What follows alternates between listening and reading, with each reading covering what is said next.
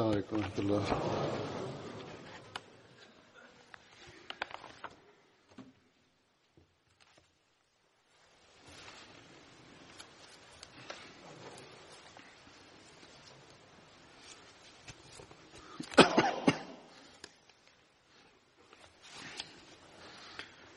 أشهد أن لا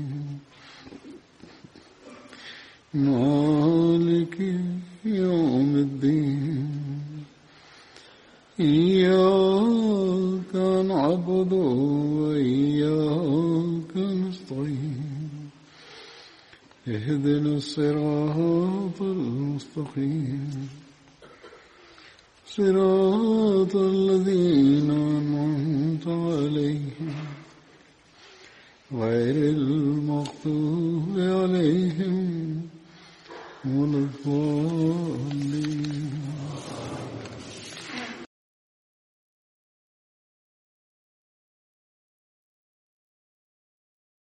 Bismillahirrahmanirrahim. Hazur kaže, u prošloj hudbi sam govorio o Hazreti Muhammedu bin Maslima i ostalo je još nekih događaja u vezi njega, tako da ću da i spomenim. Što se tiče događaja kad su ubili Kaba, spomenuto u prošloj hudbi, rečeno je da Muhammed bin Maslima, njegova taktika na koju, koju je on koristio da izvede Kaba iz njegove kuće, to se ne podrazumijeva da je on lagao.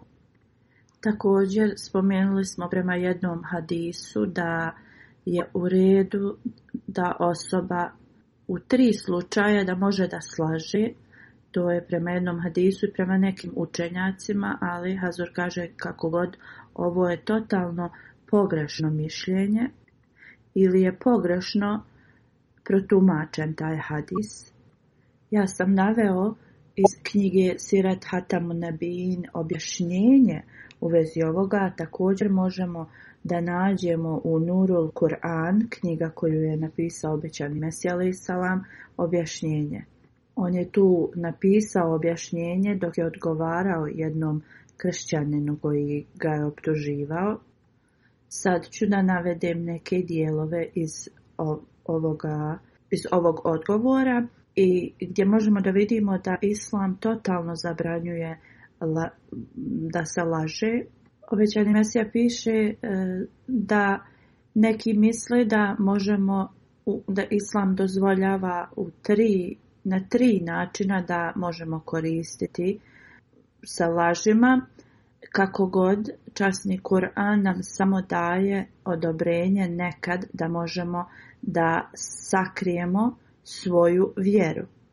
A kao ovi su govorili da njihovi gospels, eh, dijelovi u Bibliji nikada to nisu dozvolili da sakrijete svoju vjeru. Obećani Mesija salam eh, kaže Kur'an previše daje eh, iskreće nam pažnju na to da ne smijemo da lažemo i toliko puta to nam skreće pažnju u časnom Koranu da ni stoti dio ovoga ne možemo naći u Bibliji i drugim vjerskim knjigama.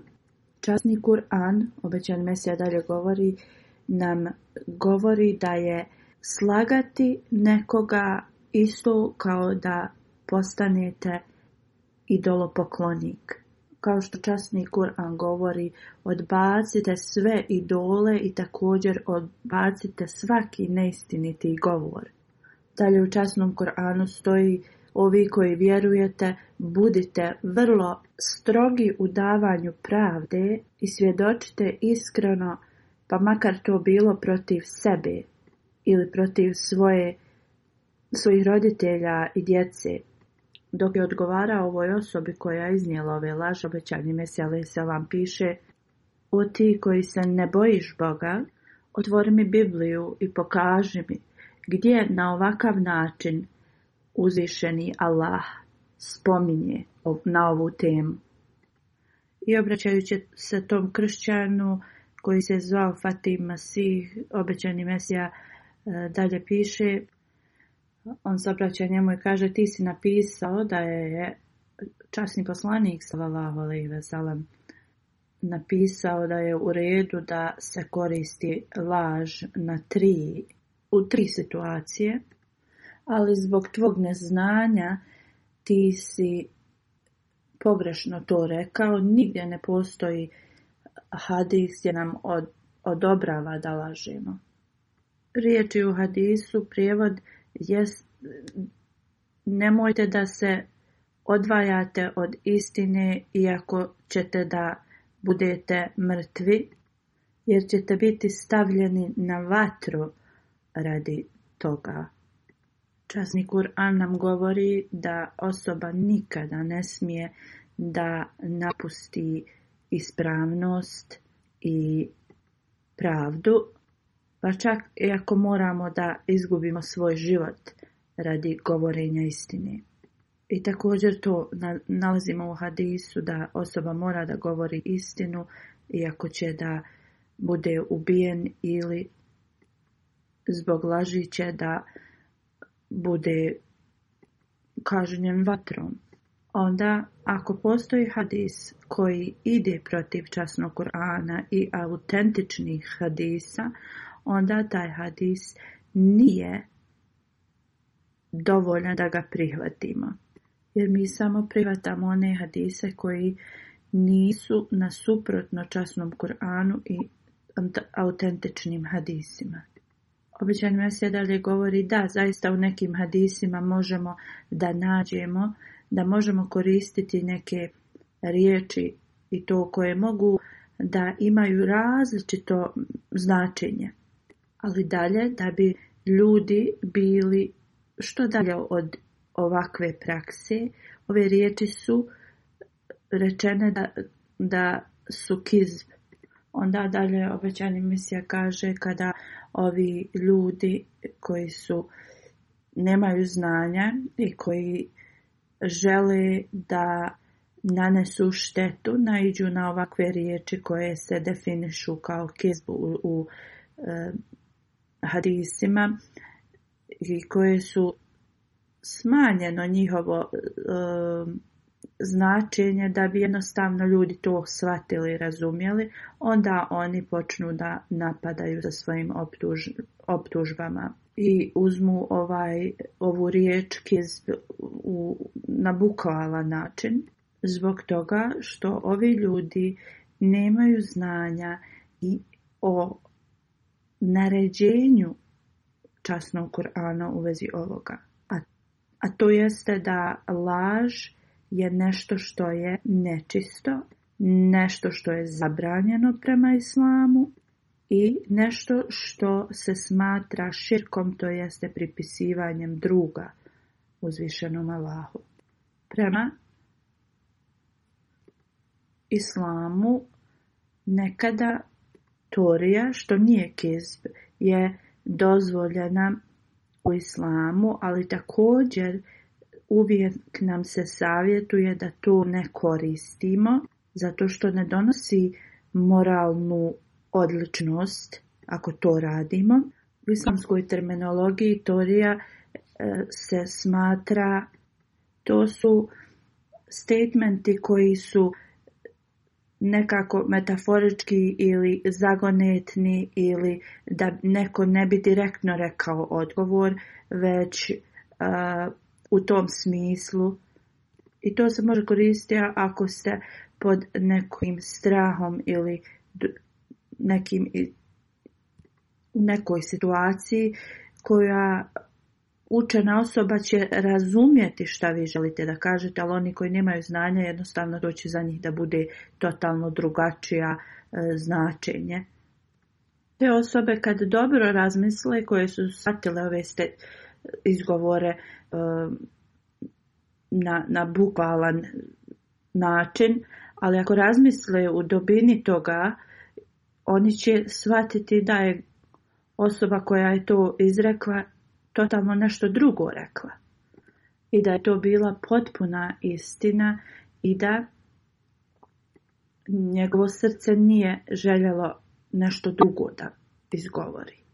Obećan Mesija dalje govori. U nekim slučajevima možemo da nađemo dozvolu da Torija se koristi da bi, na primjer, pomirili dvojicu braće muslimana ili da zaštitimo suprugu od e, teških osjećanja i svađe između bračnih parova i također kad smo u ratu da možemo da sakrijemo svoje taktike i tako slično i da jednostavno neprijatelj misli da smo mi u sasvim drugom smjeru kako god iz mnogih drugih hadisa možemo da vidimo da Torija jednostavno stoji na različitom smjeru od bogobojaznosti i da jasna istina je uvijek najbolja. Iako moramo da damo svoj život radi nje. je Mesija salam dalje govori. Časni poslanik sallallahu alejhi ve nam je naredio da se držimo što dalje od ovoga tako da ni esencija nekog neke izjave se razlikuje od istine. Obećan mesel sam vam dalje govori, kada pogledam u sanje časnog poslanika sallallahu alejhi ve u toku Uhuda, kada je bio u bitki nezaštićen ispred neprijateljskih mačova, govorio je: "Ja sam Muhamed, ja sam Allahov poslanik. Ja sam sin Abdul Mutaliba. Azur kaže ovdje želim da objasnim kada je ova knjiga bila objavljena da u komentaru u, u istoj ovoj knjizi bilo je napisano da u ovoj knjizi ovo je pogrešno bilo ištampano i da je ovo bitka na Huneinu bila, a ne u toku Uhuda sada naš tim za istraživanje mi je e, poslao iz Siratu Halebija gdje piše da je časni poslanik sallallahu alejhi ve rekao ove riječi u toku bitke na Huneinu i također u toku bitke na Uhudu. I ovaj departman koji se brine za izdanje knjiga treba da ukloni ovu zabilješku koja govori da je ovo, da ove riječi nije poslanik izgovorio na Uhudu. Hazur kaže, često sam primijetio da u nekim knjigama kad se štampaju od obećanog Mesije da bi završili svoj posao što prije, često se dodaju ovi komentari da je to bila greška u printanju i, i slično, a ne uradi se široki široko istraživanje u vezi ove teme. I trebamo da povedemo veliku pažnju što se tiče ovog. I sada mi je bilo e, rečeno da ove riječi su bile rečene e, moj istraživa, tim koji se bavi istraživanjem podataka ove oba dvije da je poslanik sallallahu alejhi ve izgovorio ovo i na Uhudu i Huneinu. U svakom slučaju sad smo ispravili ovaj, e, ovu, ovu stvar. Obećan Mesija ali salam dalje govori ako u bilo kojem hadisu riječ kizb se koristi da opisuje taurbija da bi objasnili značenje toga u, na jednostavan način. Totalno je e, stanje neznanja i da neko uzme to bukvalno da, da protumači. Časni Kur'an i autentični hadisi su jasno odbacili riječ kizb da je dozvoljena, znači laganje da je dozvoljeno. A hadisi, najautentičniji hadis nam je objasnio E, šta je teorija, šta je Kizb i jednostavno ne možemo miješati ove, ovo, ove dvije terminologije jer kizb ide protiv naređenja uzvišenog Allaha i kizb nikada ne možemo, iako neko opisuje e, te statemente e, koji, koji imaju mnoga značenja kao kizb, to jeste laž, E, mi ne možemo to u bukvalnom smislu da sebi uzmijemo u islamu, laž je zabranjena.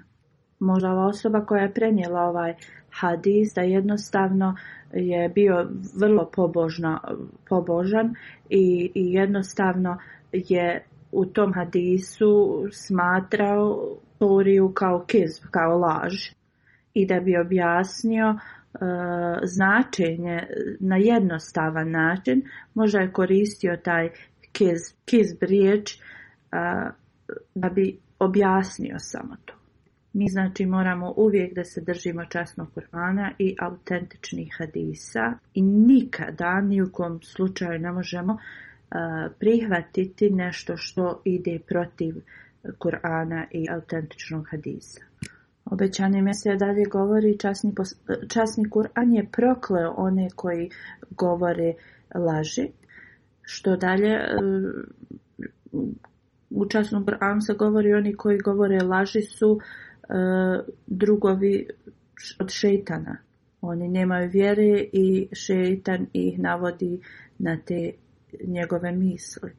Ne samo da nam se naređuje da ne govorimo E, neistinu, da, da izgovaramo laži, ali nam također zabranjuje u časnom Koranu da budemo drugovi onih koji to rade.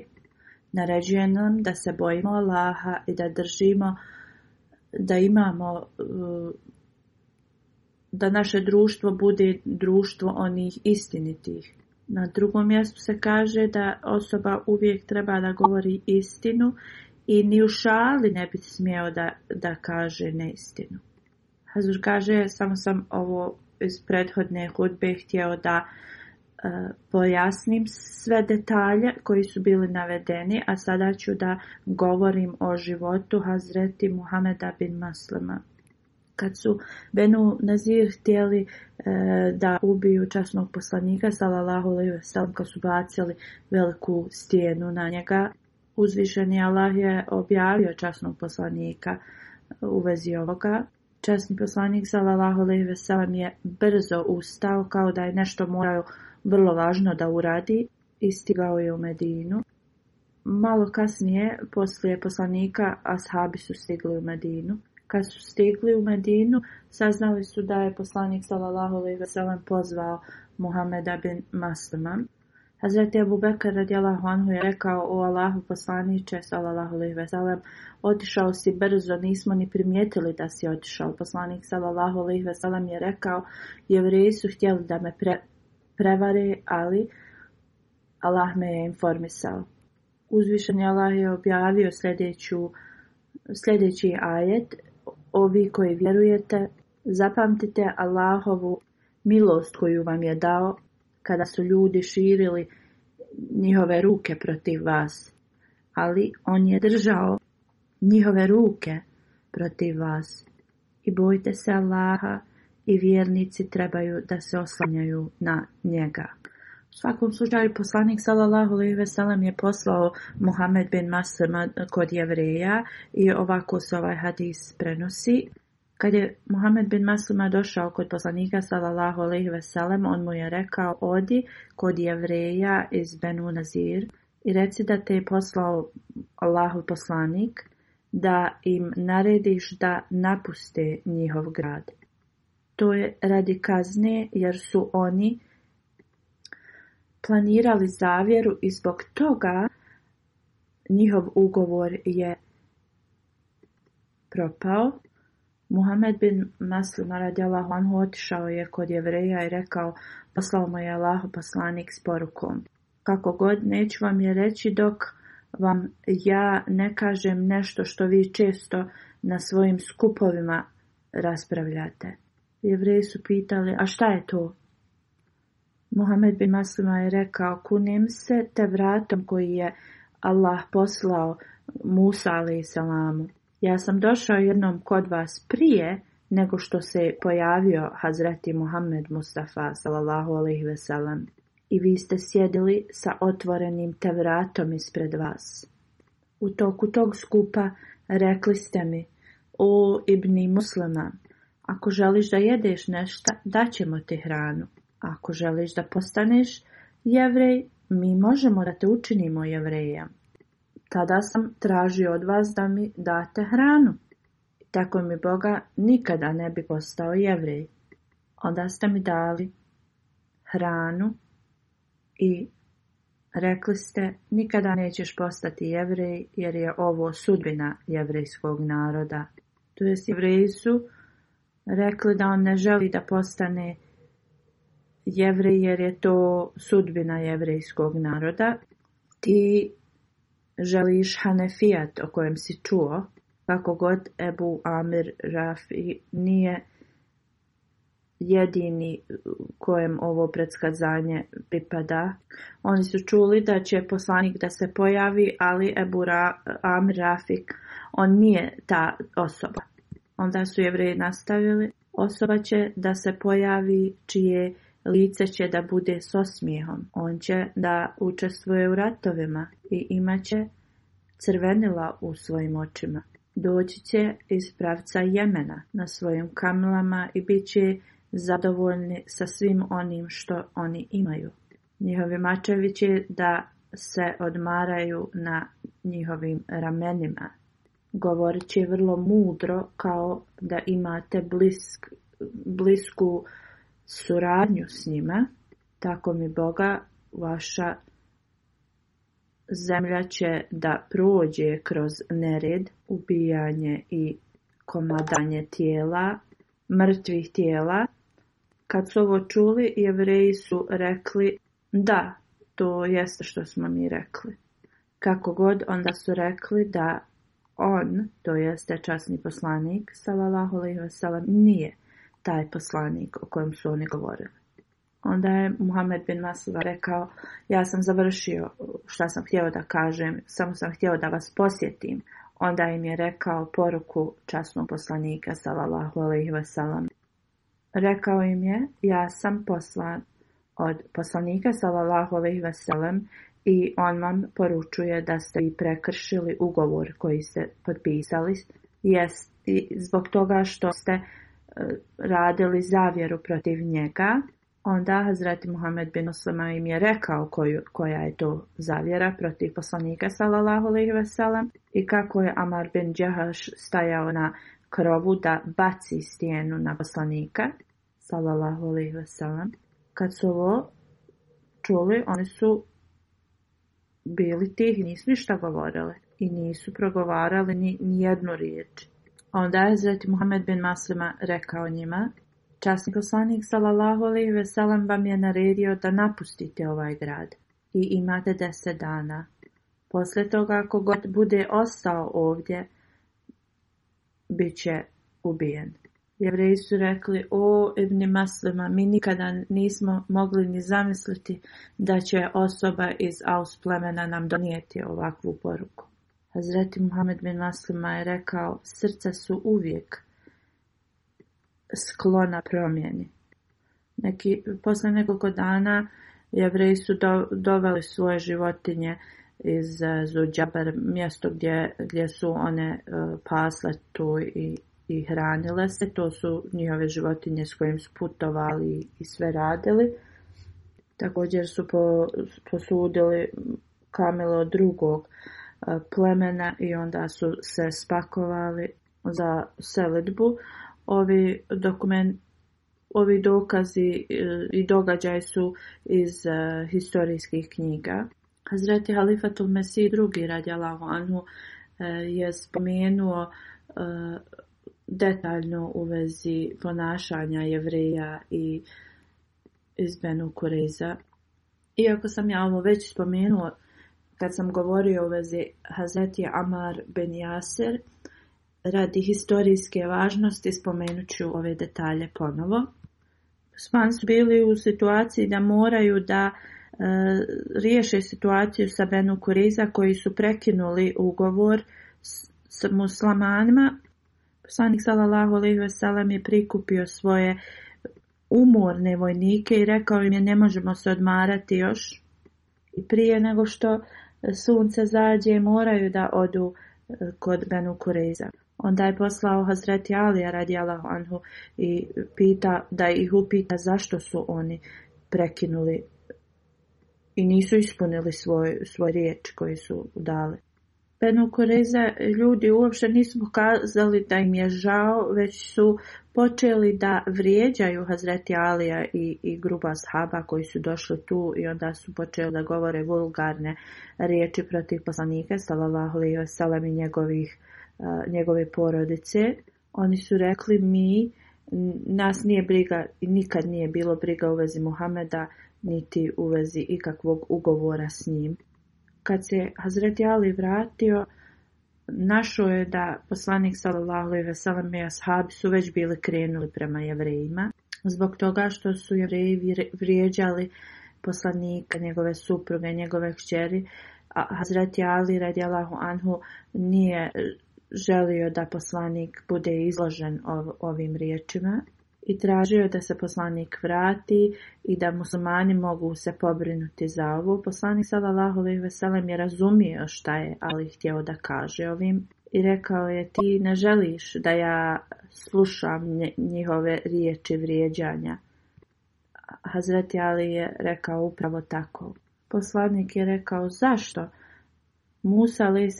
je bio njihov poslanik, pa, je, pa su ga još više od mene vrijeđali i on je patio zbog njih više.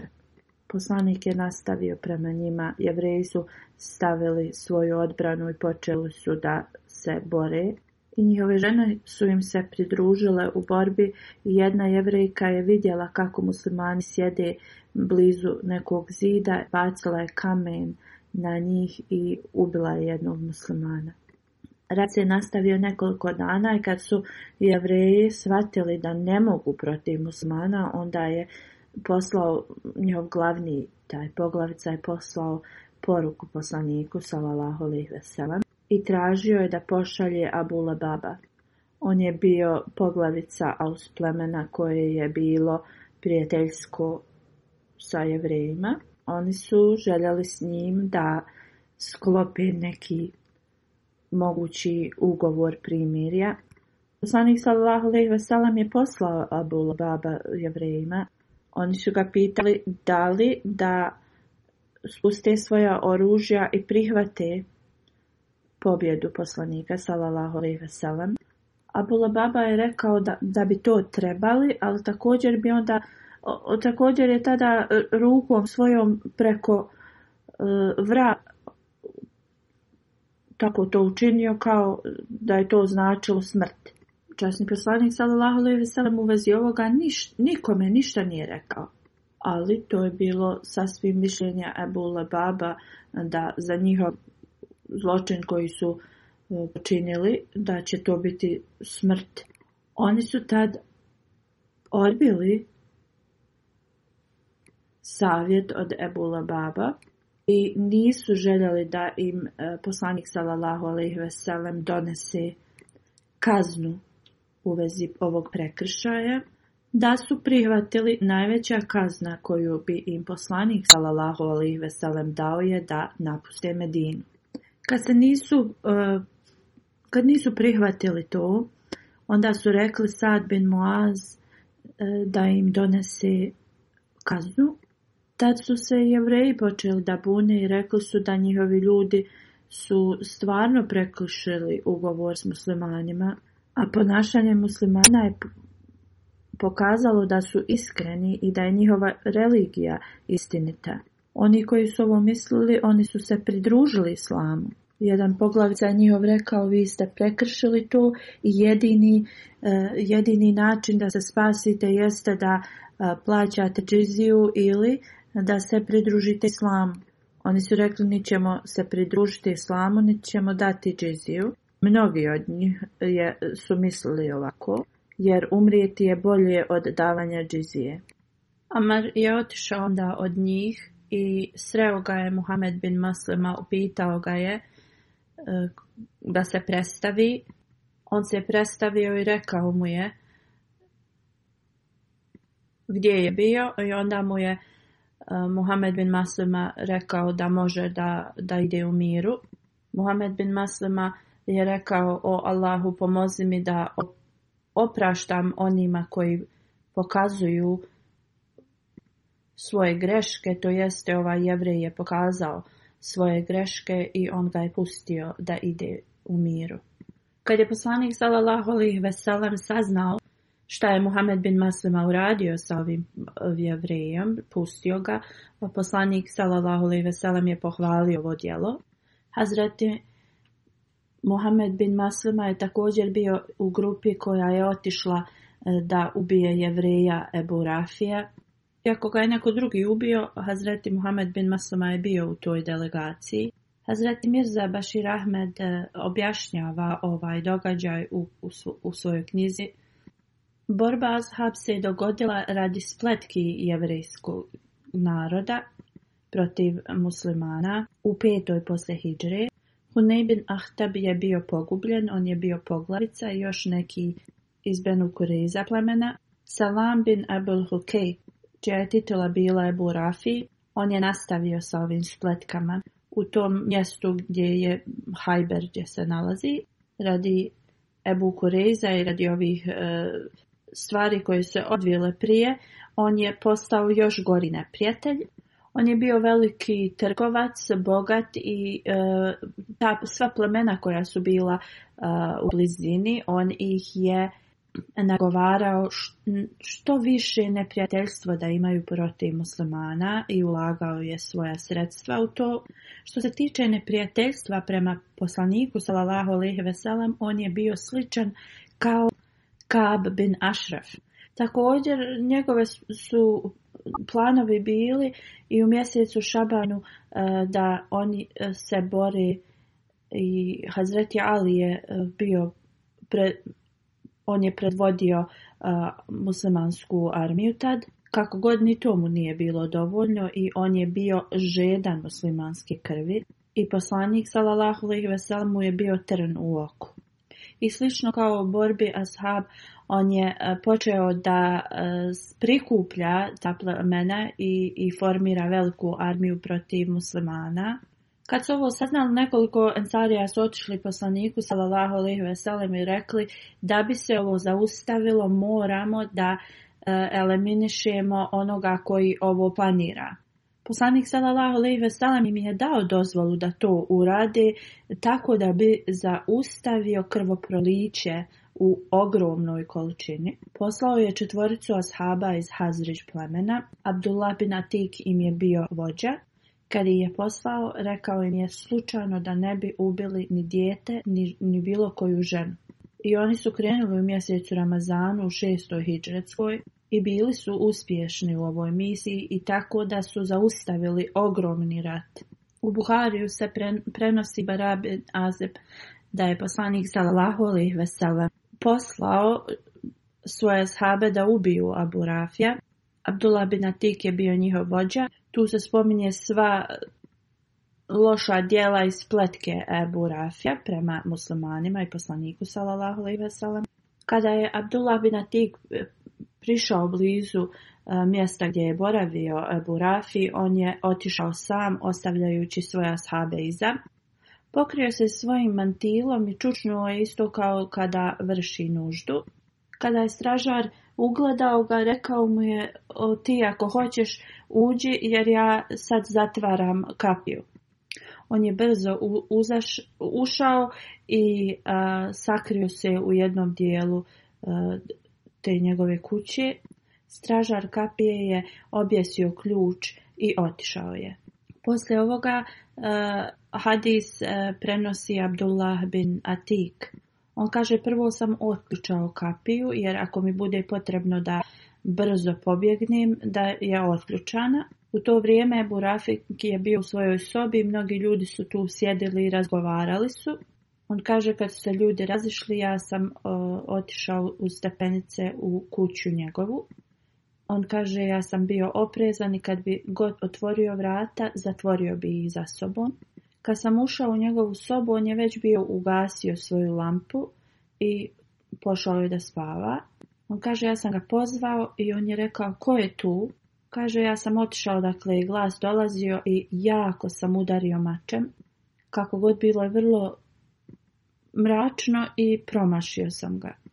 Ebu Rafi je počeo da, da govori u pomoć i ja sam izašao iz sobe. Poslije nekog vremena, kaže, ja sam promijenio glas i ušao sam ponovo u sobu i upitao, o Ebu Rafi, kakvi se glasovi čuju? On me nije prepoznao i rekao, neko me je sad napao sa smačem. On kaže ja sam tad požurio i opet ga udario mačem, nisam ga ovaj put promašio, ali on nije bio mrtav. I još jednom sam ga napao i tad, je, tad sam ga ubio. On kaže, tad sam brzo krenuo niz stepence i nisam došao, ni, mislio sam da, da sam sišao niz stepence, ali bilo su još nekolike i tad sam pao i slomio sam nogu. U drugom hadisu se prenosi da je samo povrijedio nogu. Kako god svezao sam nogu sa svojim turbanom i nekako sam se izvukao. Ali on kaže nisam htio da odem dok nisam bio zasiguran, siguran e, da, da, da je on mrtav. I on kaže izutra neko je rekao Ebu Rafi, trgovac je mrtav. On kaže tad sam otiš, ustao i, i polahko, ali sam stigao do svojih drugova. On kaže, došli smo u Madinu, rekli smo poslaniku sallallahu alaihi šta se je desilo. Taj poslanik rekao, ispruži svoju nogu i počeo je svojim blagoslovljenim rukama da, da je e, masira i molio se. I kaže, osjetio sam kao da me nikad u životu nije bolila noga. U drugom hadisu se prenosi kad je Abdullah bin Atik počeo da napada Ebu Rafija, njegova žena je počela da e, vrišti i da je on bio zabrinut da drugi mogu da čuju ali i onda je htio da je ubije, digao je svoj mač prema njoj, ali se sjetio da je poslanik sallallahu alejhi ve naredio da se žene ne smiju ubiti tako da, da nije je ubio. Dalje u Sirat Hatom Nabin eh, Hazreti Mirza Bashir Ahmed kaže mi ne trebamo više da objašnjavamo razloge zašto je eh, ovaj čovjek bio ubijen E, slično objašnjenje je e, dato u vezi Kab bin Ašefa i on je bio isti kao on. Azur kaže u tom vremenu kad se e, izgledalo da je cijela Arabija protiv musulmana, taj čovjek je još više povećavao to neprijateljstvo. I ne, želim, ne, ne ulazim u sve detalje, ali ovo je samo mali detalj zbog čega je on bio pogubljen. U to vrijeme uopšte nije postojao sud ni neki organ koji bi donosio presude, svako pleme je išlo prema svojim e, zakonima i zato nije bila druga opcija osim da se on pogubi. I u prošloj hudbi sam spomenuo da nije bilo e, tih zakonskih ustanova i to, ali e, svi znamo da je poslanik sallallahu tu bio kao glavni vođa. I u ovakvoj situaciji što su god ashabi uradili bilo je ispravno. U toku hilafeta Hazreti Omera radijalahu anhu, Hazreti Muhammed Muslima je e, bio postavljen da e, prikuplja zekat od džuhejna e, plemena. Kad god bi neko se žalio u vezi ovih koji prikupljaju zekat, halifa bi uvijek slao Hazreti Muhameda bin Maslima da izvidi. Hazreti Omer radijalahu anhu je imao potpuno povjerenje u Muhameda bin Maslima radijalahu anhu. I slao bi ga da, da on izviđa sve i prikuplja i također bi ga slao da riješi razne probleme. Kad je sad bin Abi izgradio tvrđavu u Kufi, Hazreti Omer ga je poslao da ovo istraži i hadis slijedi Hazreti Omar je saznao da je Hazreti Omer radi Allahu je saznao da je Sad bin Abi Waqas ovo izgradio. Također velika vrata su bila na toj tvrđavi i ni zvuk nije mogao da se čuje iz, iz te tvrđave. Hazreti Omer radi Allahu je poslao Hazreti eh, Muhammed bin Maslima da ovo istraži. Hazreti Omer radi Allahu kad je god nekoga slao da istražuje umjesto njega, to je bio Hazreti Muhammed bin Masama. Hazreti Omer radjala anhu mu je naredio kad dođeš do te tvrđave spali ta vrata. Kad je ovo saznao, Hazreti Sad je došao i Hazreti Muhammed bin Maslama mu je objasnio razlog zašto je zapalio ta vrata. Kad je Hazreti Osman radjala anhu bio ubijen, E, prenosi se da je Muhammed bin Maslama živio u samoći i da je napravio mač od drveta. On bi govorio da mu je poslanik sallallahu alejhi ve sellem dao mač kao poklon i kaže rekao mi je poslanik da se borim protiv idolopoklonika dok oni ne prestanu da se bore protiv nas. Onda mi je poslanik sallallahu alejhi ve sellem rekao kad vidiš da muslimani ubijaju jedan drugog, popeni se na brdo i udari ga mačem. To jeste da taj mač se prelomi. Onda ostani u svojoj kući dok te ti koji rade loše i tebe ne napadnu ili dok te smrt ne zadesi. Tako da je Hazreti Muhammed bin Maslama prema ovim ovoj uputi poslanikovoj salalahu alejhi veselem e, živio svoj život. Niti je učestvovao u bitci Džemar, niti u bitci Safin. Zubir bin Hussein Talbi prenosi Sjedili smo sa Hazreti Huzeifom kad nam je rekao Znam osobu koju zlo ne dotiče. Mi smo ga tad upitali ko je ta osoba, on je rekao Hazreti Muhammed bin Maslema, Ansarija. On kaže kad je Hazreti Huzeifa preminuo, ja sam otišao sa grupom i kad je Nemir postao u, u Medini, otišao sam s tom grupom i došli smo u neko mjesto gdje se nalazila voda. Bio je jedan nag, nageti šator i pitao sam čiji je to šator. Oni su mi rekli to je šator Hazreti Muhameda bin Maslima. On kaže, otišao sam kod njega i on je bio starac i rekao sam neka se Allah smiluje e, na tebe. Ti si među najboljim muslimanima. Ti si napustio svoj grad, svoju porodicu, svoje komšije. On mi je rekao, ja sam to sve napustio da bi se odmakao od zla. Postoje različite mišljenje kada je u, u, vezi smrti Hazreti Muhameda bin Maslema. Postoji mišljenje da je u, preminuo u 43. ili 45. ili 47. posle hijdžre u Medini i da je imao 77 godina. Mrvan bin Hakam je klanjao muđanazu. On je bio emir Medine u to vrijeme. U nekim hadisima se govori da je on bio ubijen. Ovo je sve što ću da spomenem u vezi Muhameda bin Maslema. Poslije džume klanjaću dženazu cijenjenom Taheđidin sahibu, sin od Sadardin sahiba, preminuo je 10. februara u 84. godini i nalaj Lilahive na Ilihi On je bio Musi, rođen je u Jugandi. 1967. se doselio u Britaniju. 1984. kad smo kupili Islamabad, on je predstavio svoju službu Halifatul Mesih IV. I poslije toga 22 godine je služio u Islamabadu na najbolji način. Od prve dželse pa do zadnje dželse u Islamabadu on je znači radio i davao sve od sebe da što bolje dočeka gosta obećanog Mesija Islama. Znao je da radi razne poslove od vodoinstalacije do elektri do struje i svih ostalih i, i to je radio na najbolji način. Bio je vrlo regularan da klanja i da posti, predani musliman, pobožan, dobrog karaktera i ponašanja. Uvijek je bio u najboljem raspoloženju.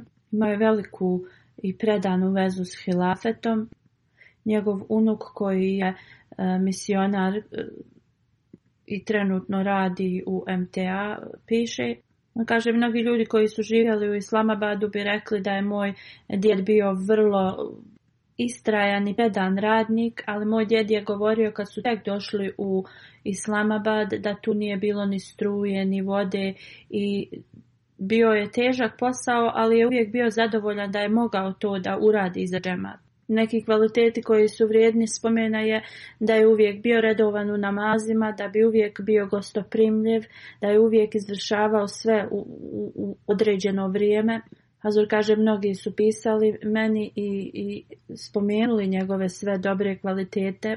Međid Sajkoti sahib je e, pisao, on je sam ovdje napravio svoju radionicu i bio je ekspert u vezi mašina. On je imao dobre veze sa kompanijama i preduzećima u blizini i ove barake je on osposobio da se može živjeti u njima. Ove e, zgrade su bile vrlo e, stare, ali on je radio cijelu godinu svaki dan da, da znači učini im da se može u njima živjeti. Uvijek je bio veseo i uvijek bi pitao da se ljudi mole za njega. Cijelo ovo vrijeme je živio u Islamabadu u, u maloj prostoriji i radio je non-stop. Iako je njegova supruga i djeca živjeli u Londonu, on bi više boravio u Islamabadu i ponekad bi išao da ih obiđe. Neka mu uzvišen Allah podari oprost i milost, a njegovoj porodici e, strpljenje i da na, nastave da rade dobra djela.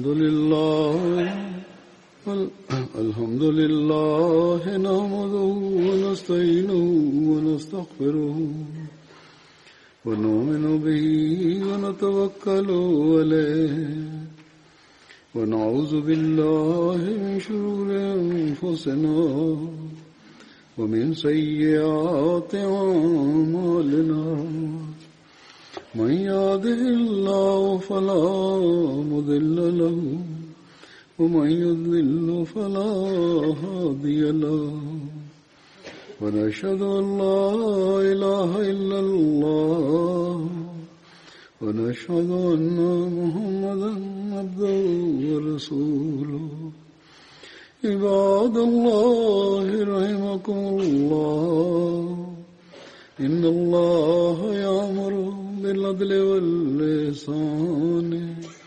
وإيتاء ذي القربى وينهى عن الفحشاء والمنكر والبغي يعظكم لعلكم تذكرون اذكروا الله يذكركم وادعوه يستجب لكم ولذكر الله أكبر